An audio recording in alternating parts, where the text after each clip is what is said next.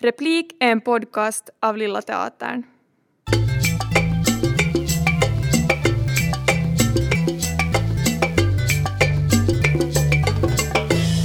Kris och katastrof i Mumindalen har premiär på Lilla Teatern den 1 oktober i regi av Jakob Höglund. Välkommen hit. Tack. Uh, manus är alltså baserat på Tove Janssons Mumin-serier och skrivet av dramatikern Anina Enkel. Välkommen du också. Tack.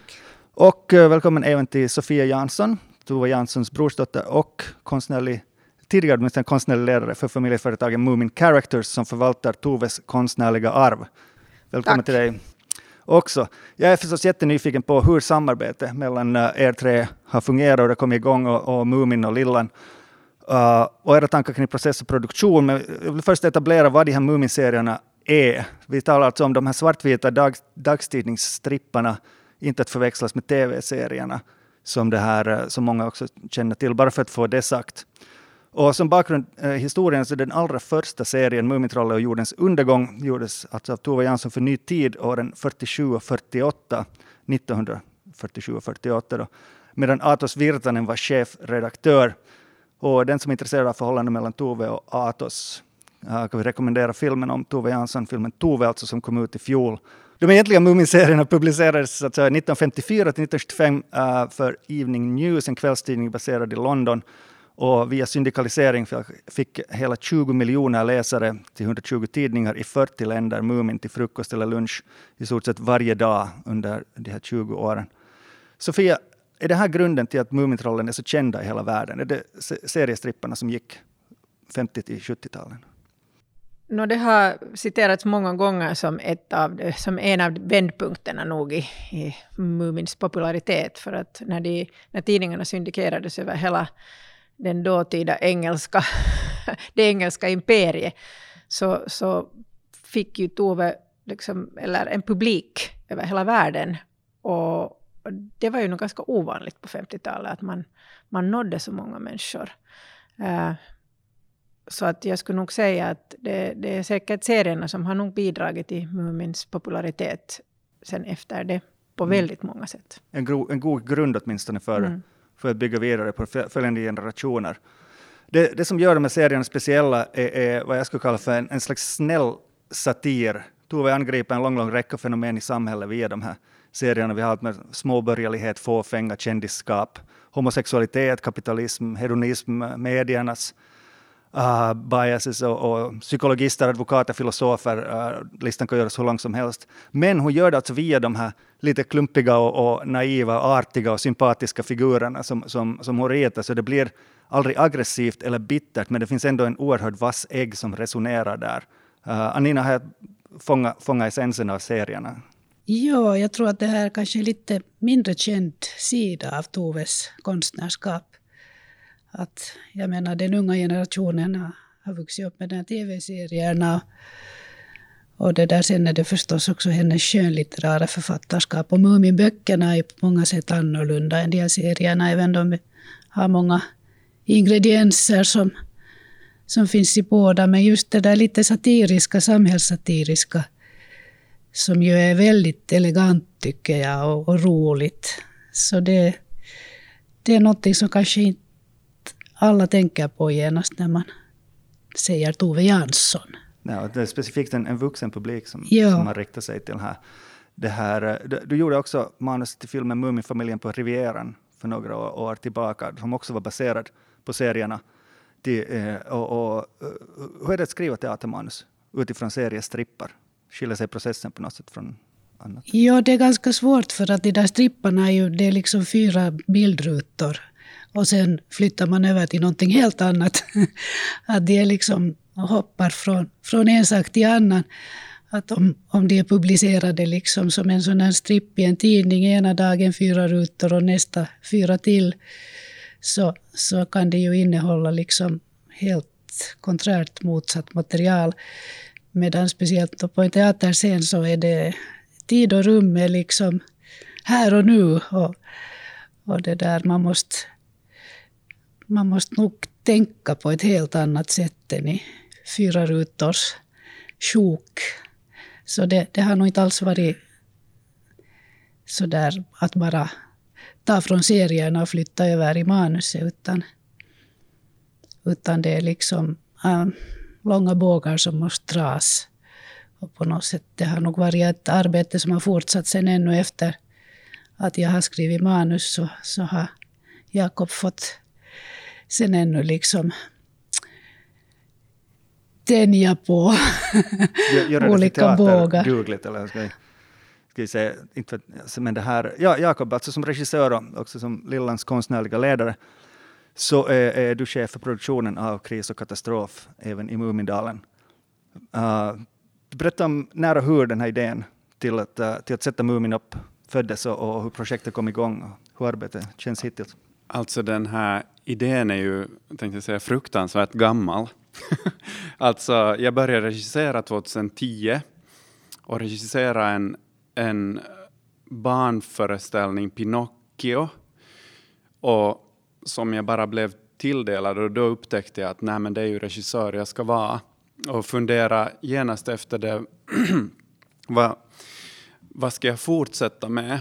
Och då, då var att göra en föreställning, eh, en Mumin-föreställning var en av de första idéerna som, som dök upp.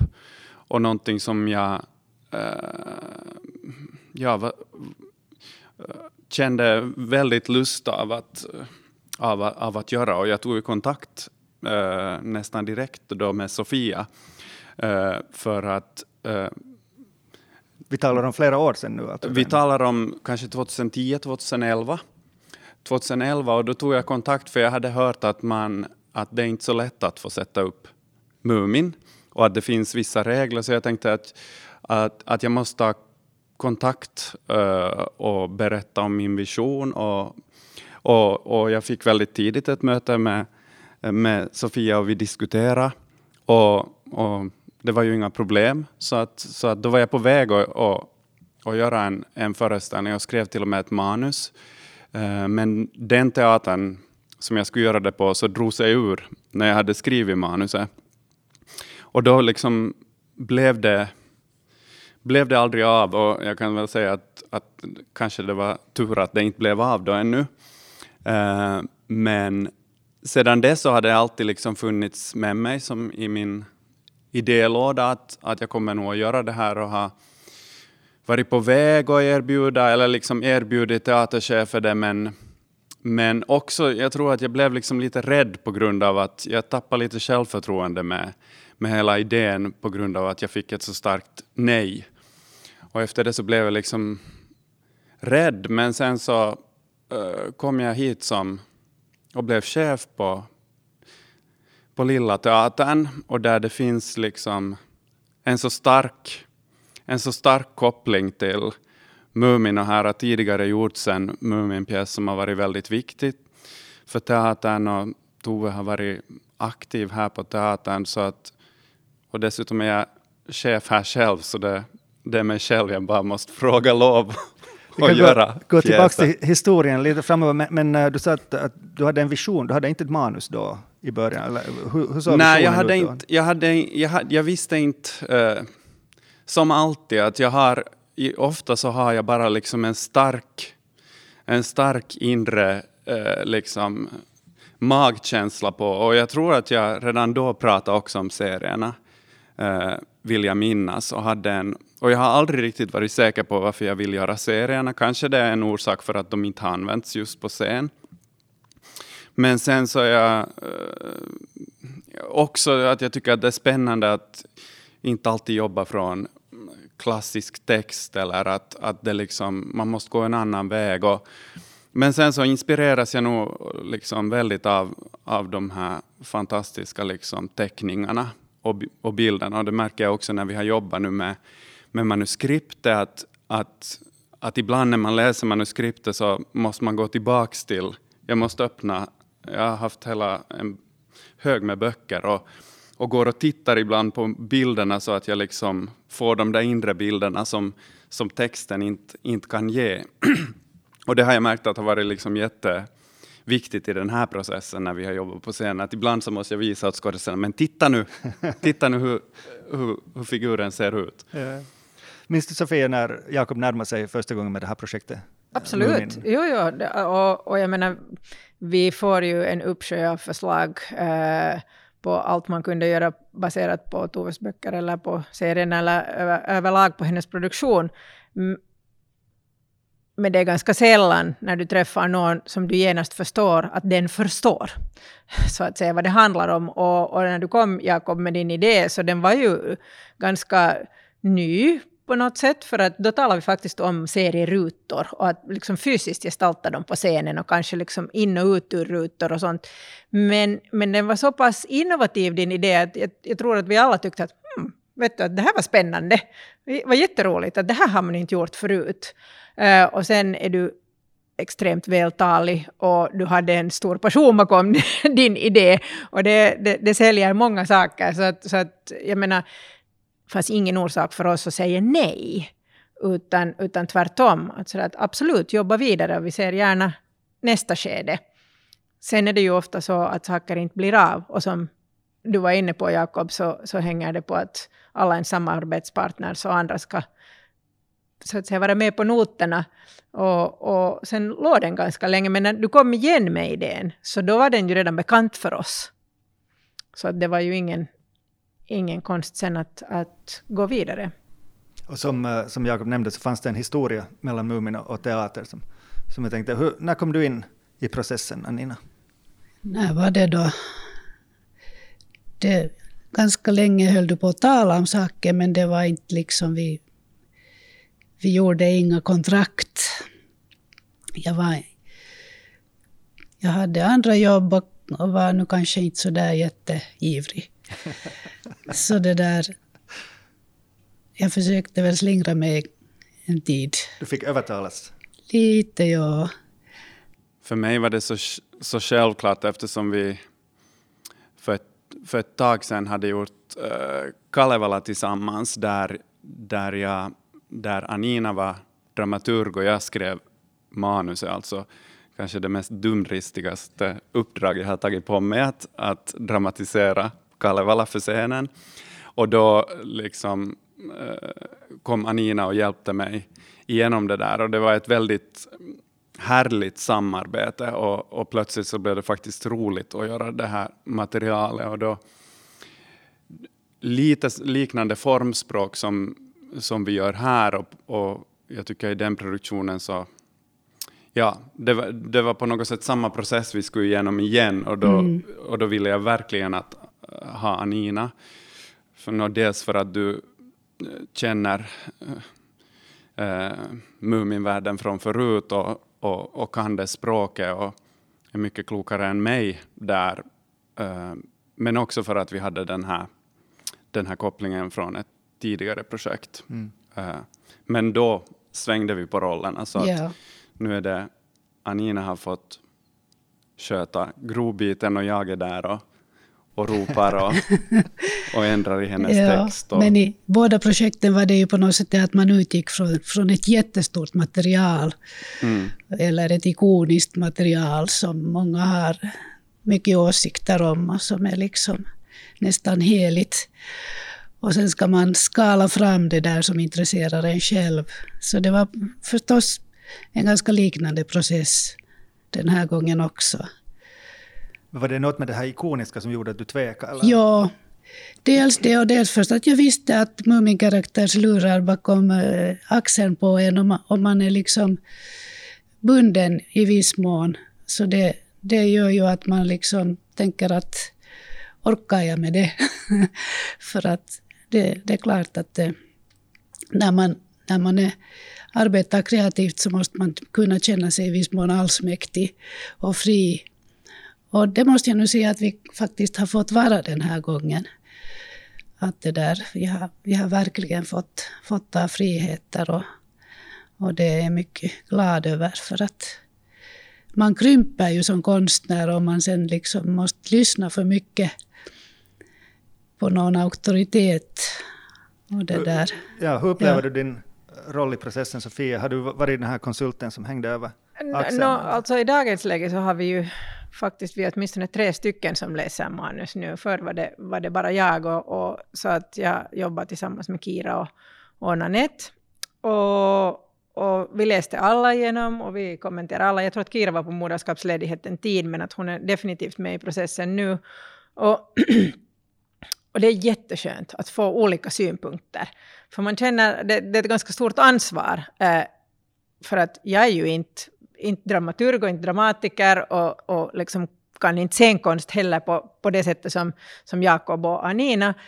Så att sen, vet du, börja uttala mig om, om manus och, och, och ett sånt här manus som på riktigt är väldigt utmanande som, som Anina var inne på för att du måste liksom destillera ur ett jättematerial och göra val och, och få det hela att, att hänga ihop och, och dessutom i en form som är helt annorlunda än ursprungsmaterialet. Så, så det har varit jätteskönt att, vara, att ha liksom stöd av, av Kira och Net, men, men jag tycker att vi liksom när vi läste, alltså det har ju gått nog av och an, det här manuset ett par gånger.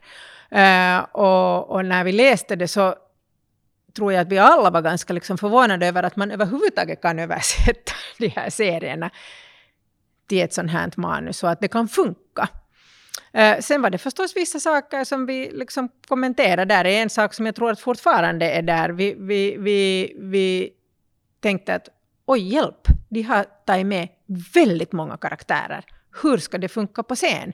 Ma för att det finns en massa bikaraktärer i de här serierna. Sådana alltså, små... vi, vi talar, förlåt, jag bryter in, men alltså jag försökte räkna i manuset, jag tror vi kom upp till 50, 50 karaktärer. Något sånt. Om, om inte mer. Alltså. Ja. Säkert, och sedan om man börjar räkna vissa ur grupper, börjar man räkna varenda hattifnatt så är vi snabbt uppe i 300, skulle jag säga. Ja, och det blir ju liksom, vi kanske sådär ibland så måste vi vara på säkra sidan när vi tänker att man gör olika projekt med huvudkaraktärerna för de känner folk igen och bla bla och, och så vidare. Men här så hade Anina då tagit med faktiskt ett galleri som var enormt och, och då var vi lite så här att hjälp, ska det, hur ska det här gå liksom på scen ännu med vet du, skådisar och dockor och hela saken. Men, men, men liksom, vi måste ju också lita på att både Jakob och Anina vet vad de gör så säger de att det går. Så då säger vi att okej, okay, fine. Att det är bara, vi, vi uttrycker egentligen bara vår förvåning. att ni har valt att göra så här. Men, men, men hint, det här... Hint. Ja, nej, nej. Och, nej, jag säger inte alls något. Jag har ju inte sett, jag har inte sett ett enda rep. Det har faktiskt Kira och Nanette gjort. Jag har ju inte sett någonting ännu. Men jag kan ju nu avslöja här att feedbacken, feedbacken feedback heter det kanske, ja, uh, var jättebra de, var, de tyckte att det var otroligt fint. Så att, ehm, så att jag väntar med spänning på att få se sen på premiären. Men, eh, så att många saker går ju att lösa bara man vill. Ja, det, det gör det säkert. Eh, den här processen som ni på Mumin har är jättespännande och många, många har en bild av det, hur det går till, hur, hur strikta ni är med, med att karaktärer ska behandlas med respekt och, och, och, och sånt här. Och det här. Vad heter, upplever du, eh, Anina, att, att det var det var det som, som du var rädd för? just att, uh... Ja, vi ville ju göra en, en föreställning för vuxna också. Det är ju liksom på något sätt det där att mycket med Mumin handlar ju om, om barn. Och, och det där. Ja, vi, kanske min, min rädsla var att det skulle bli för lamt eller för snällt. Min, eller vår målsättning har faktiskt varit, varit att göra en Muminpjäs för vuxna. Sen är jag säker på att om, om något barn skulle smyga in här så kommer de att tycka att det är minst lika roligt. Men vi har ju verkligen så, sålla, sålla mellan eh, teman och, och valt uttryckligen, försökt uttryckligen välja teman som intresserar mera vuxna. Det fanns en viss rojsighet i Mumin som, som kanske har slätats ut lite under åren, Sofia, stämmer Absolut, och framförallt skulle jag säga att eh, när vi talar om serierna så känner ju folk inte till dem och att de faktiskt ursprungligen också riktades till vuxna och, och skulle behandla teman som inte var riktigt detsamma som i en sagobok om man vill säga så. Uh, men, men igen för att, för att eh, lite öppna upp vår, vår ståndpunkt så det är ju hemskt välkommet för oss när någon vill ta i så att säga det vuxna i Toves skapande. Just för att Mumin då säkert på grund av serien som gick på tv på 90-talet var klart för under skolåldern och de flesta känner till Mumin via den. Uh, så är det ju väldigt välkommet för oss när någon tar i ett material som serierna och bearbetar det. För att vi vet ju att Tove var inte bara en barnboksförfattare, det här är inget bara, men, men, men liksom att hon inte skrev uttryckligen för en, en publik som var under skolåldern, utan att hennes tankar och teman och uttryck egentligen handlar om, om att uttrycka en, en viss inställning till världen och livet äh, där, vi nog, där alla åldrar äh, är inbegripna och, och mycket mer än så. Alla, liksom, alla kryp och knytt över hela världen. Um, så att eh, en sån här föreställning är ju definitivt någonting vi gärna ser. Mm. Det här, eh, uh, Anine, jag tänker, du känner till Tove Jansson förstås, hennes produktion. Hur, hur, hur ser du skillnaden mellan serierna och romanerna till exempel? Eller ska vi tala om det här vuxenuttrycket som, som Tove hade, om vi tar bort allt det som sen har riktats till barn. Finns det någonting som går igen där som du känner igen? Eller, eller ser du en stor skillnad på, på novellerna och romanerna? Och... No, det är helt olika genrer ju förstås. Att de där serierna är ju väldigt... Jag menar, de är ju... De har ju en sån uttalad samhällssatirisk udd. Eh, Novellerna är ju på ett helt annat sätt människoskildring. Människoskildring finns det ju i serierna också, även om man inte får tala om människor i Mumin-sammanhang. Men alltså på något sätt hela det där sociala spelet och hur, hur vi fungerar i grupp. Det finns ju där, men nu är det förstås en annan förfining i hennes noveller. Mera psykologisk förfining. Att, att det är ju någonting helt annat förstås. Att det som vi nu vill kanske också få med i den här vårföreställningen är inte bara den samhällssatiriska sidan utan också på något sätt hela det här existentiella som Tove också har i sin, sitt konstnärskap. Att det där det, det är stora frågor om, om, om att finnas till och att, att det där fungerar i ett sammanhang. Så att det, det är inte bara, bara småputtrigt. Mm. Det finns en tyngd där, som, en existentiell tyngd. Ja, jag tycker det, eller det är vår strävan. Det här Kris och katastrof i Mumindalen är en dockteater Jakob, kan man säga det? Men eh, det kan hända att associationerna man får när man nämner ordet dockteater inte helt stämmer överens med den verklighet som vi kommer att se på scenen. Uh, alltså man kan säga att det är en musikteaterföreställning, man kan säga att det är en dockteaterföreställning.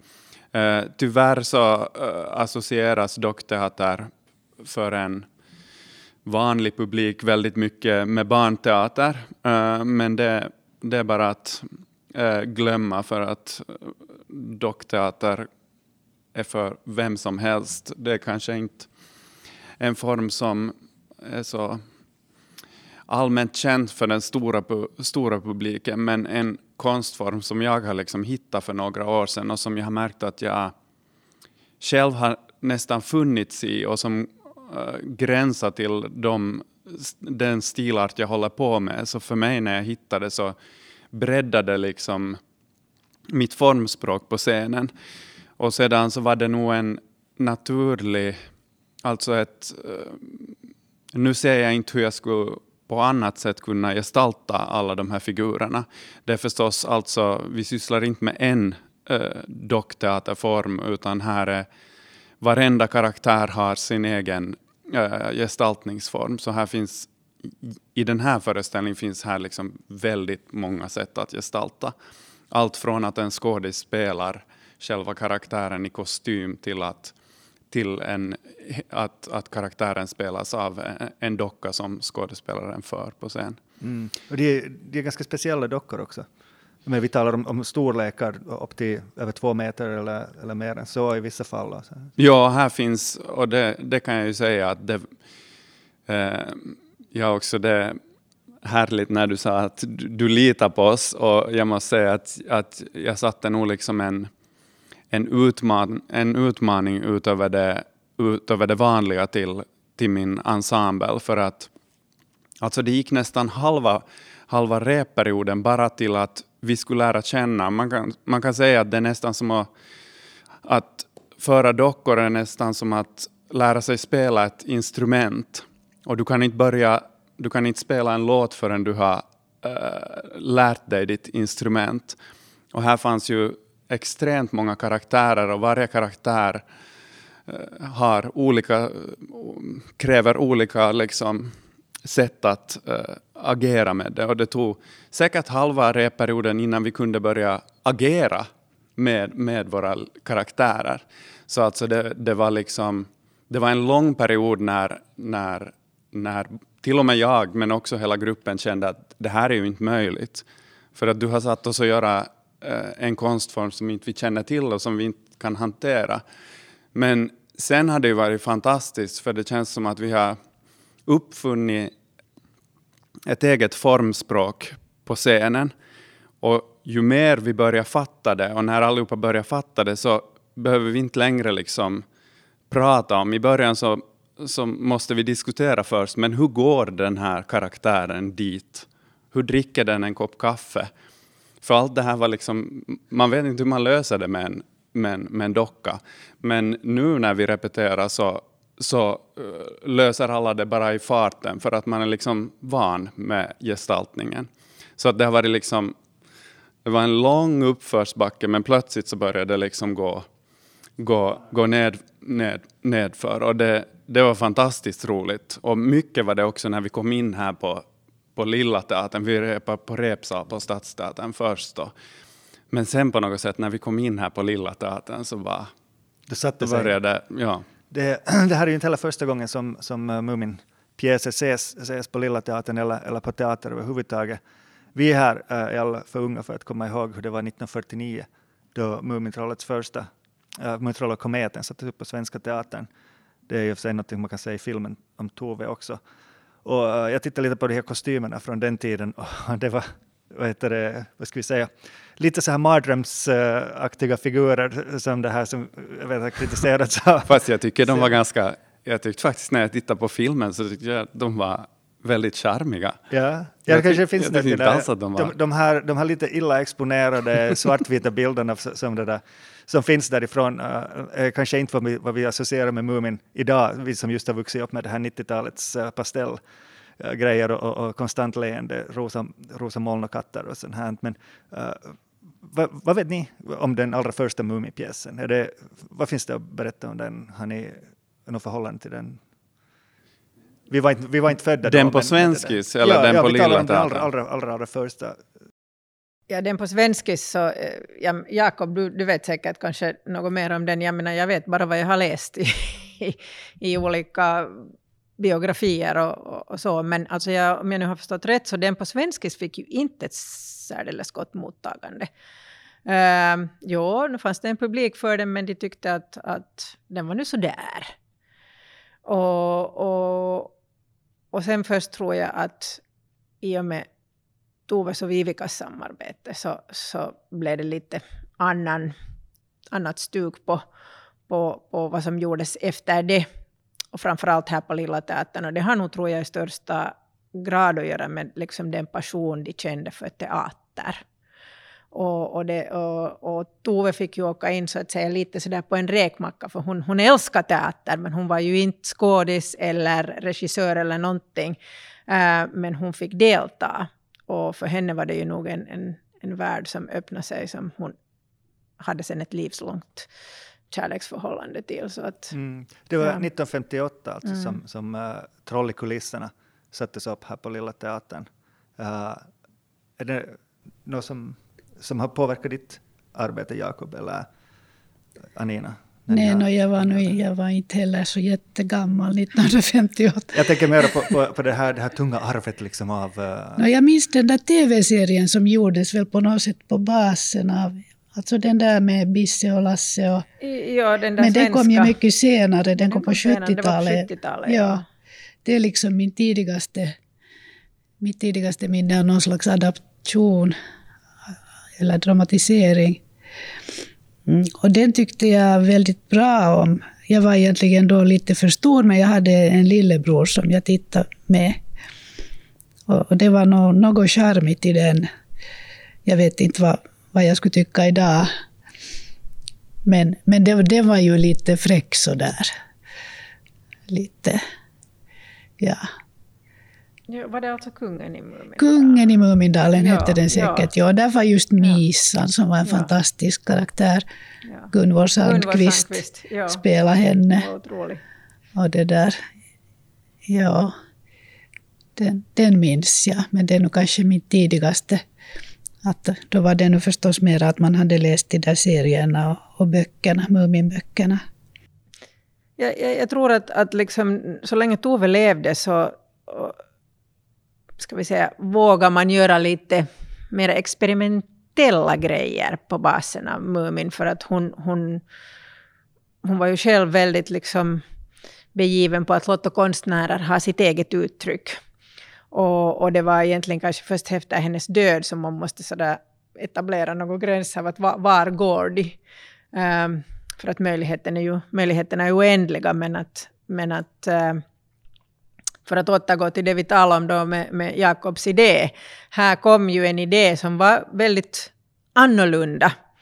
Och, och, och liksom, vi har ju fått se oss själva också i spegeln att kanske vi måste vara lika modiga som Tove och låta folk ta det här materialet. Uh, inte vem som helst, men begåvade människor ta det här materialet och göra något nytt av det. För annars blir det ju nog väldigt dammigt uh, och, och inte relevant. Och jag tror att, jag menar, utan att nu ha sett den slutliga pjäsen så tror jag nog att många kommer att gå hem med en, en ny upplevelse av Mumintrollerna. Uh, ehm, efter, efter att de har sett uppsättningen här. Uh, och det är ju det är i allra högsta grad en positiv grej. Mm.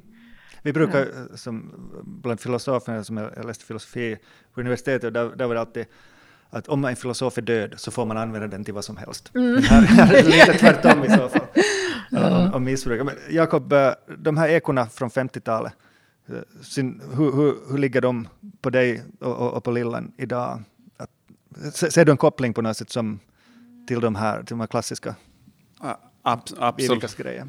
Uh, absolut, uh, absolut så känner jag ju att jag är på en teater med liksom sådana anor så att jag kände mig lite, eh, oj ska jag liksom basa för den här teatern och absolut är det en av orsakerna varför jag gör, gör den här föreställningen för att jag vill eh, Muminpjäsen var en, jätt, var en jätte eh, var jätteviktig då för, för teatern. Och, och när det blev liksom på något sätt självklart att, att, och jag är så glad att jag inte har hunnit göra den här pjäsen liksom innan för att det här den ska passa. Det var det Jocke som har varit en av skådespelarna som har Joakim Vigelius som har varit längst här på teatern, så han sa att, eh, att det är så att, att det känns som att vi spelar det känns som att vi spelar revy igen på Lilla Teatern. Att, att han, kände, han upplevde liksom att, vi,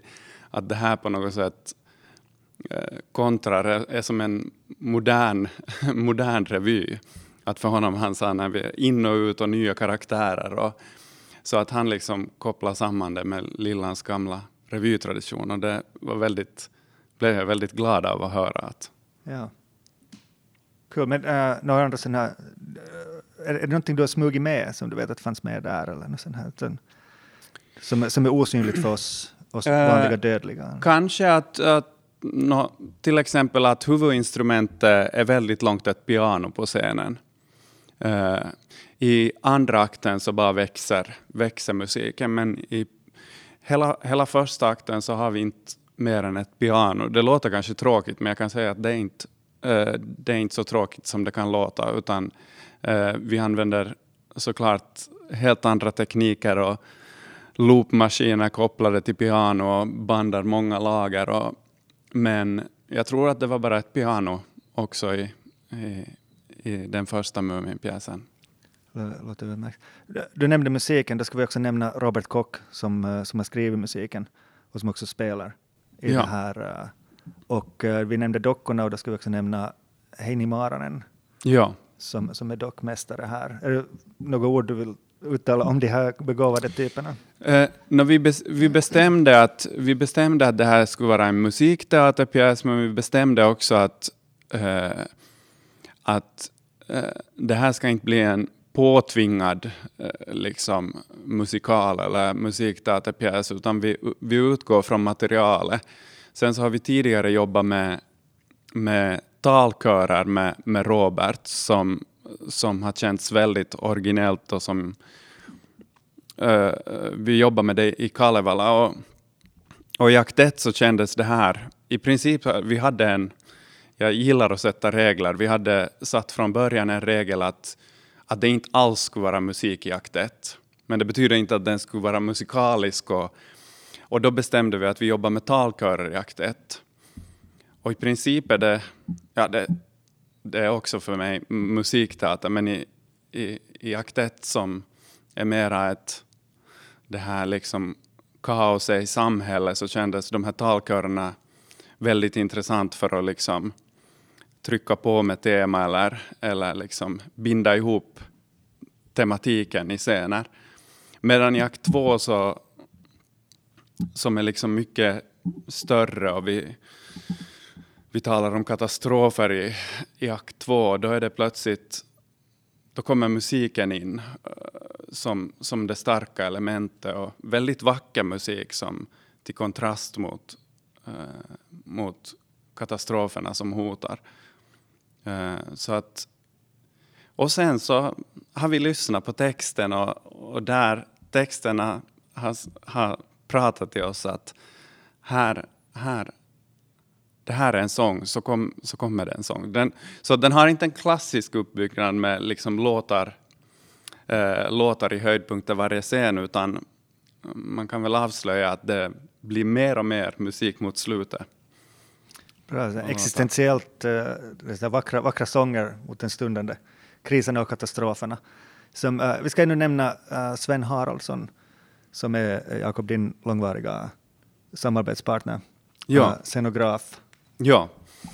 Uh, han har gjort eh, scenografi och jag kan säga att uh, ateljéerna har aldrig fått jobba så hårt med att, med att måla Svens mönster som vi har på scenen. Och, uh, de har också målat en helt ny uh, ridå till Lilla Teatern. Vi har bytt ut den befintliga ridån och, och Sven har gjort ett, ett, ett, ett en otroligt vacker vy utgående från eh, Toves teckningar som, som är handmålad här på teatern.